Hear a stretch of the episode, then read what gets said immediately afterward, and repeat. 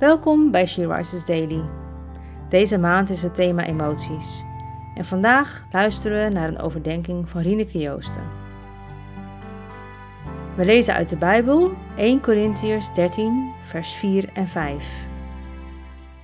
De liefde is geduldig en vol goedheid. De liefde kent geen afgunst, geen ijdel vertoon en geen zelfgenoegzaamheid. Ze is niet grof en niet zelfzuchtig. Ze laat zich niet boos maken en rekent het kwaad niet aan. Ik had vroeger een scheurkalender van Liefde is. Herkenbare, leuke, grappige situaties afgebeeld in een eenvoudige cartoon met een spreuk eronder. Want ja, liefde is van alles en nog wat. Liefde is zoveel. Liefde is een woord met meerdere betekenissen. Het kan betekenen dat je genegenheid voor iemand voelt, dat je iemand aardig vindt, dat je iemand aantrekkelijk vindt op lichamelijk en of emotioneel vlak. Je voelt je veilig bij een ander, noem maar op.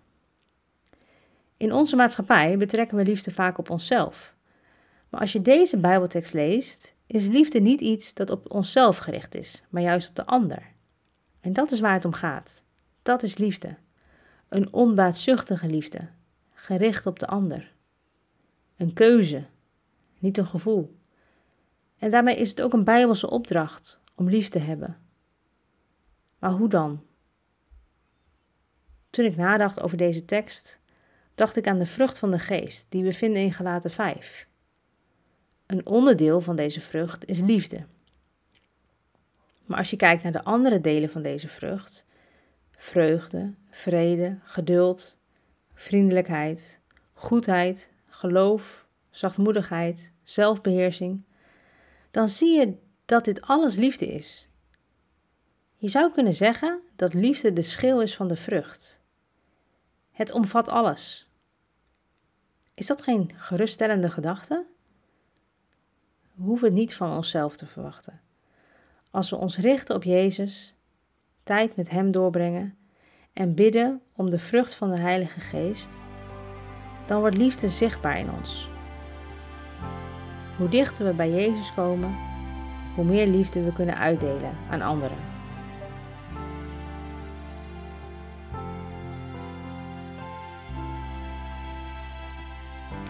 Heilige Geest van God, vul ons hart voor het eerst of opnieuw.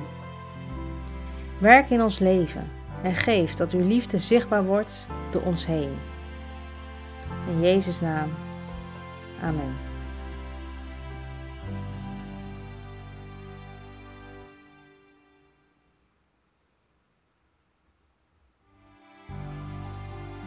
Je luisterde naar een podcast van She Rises.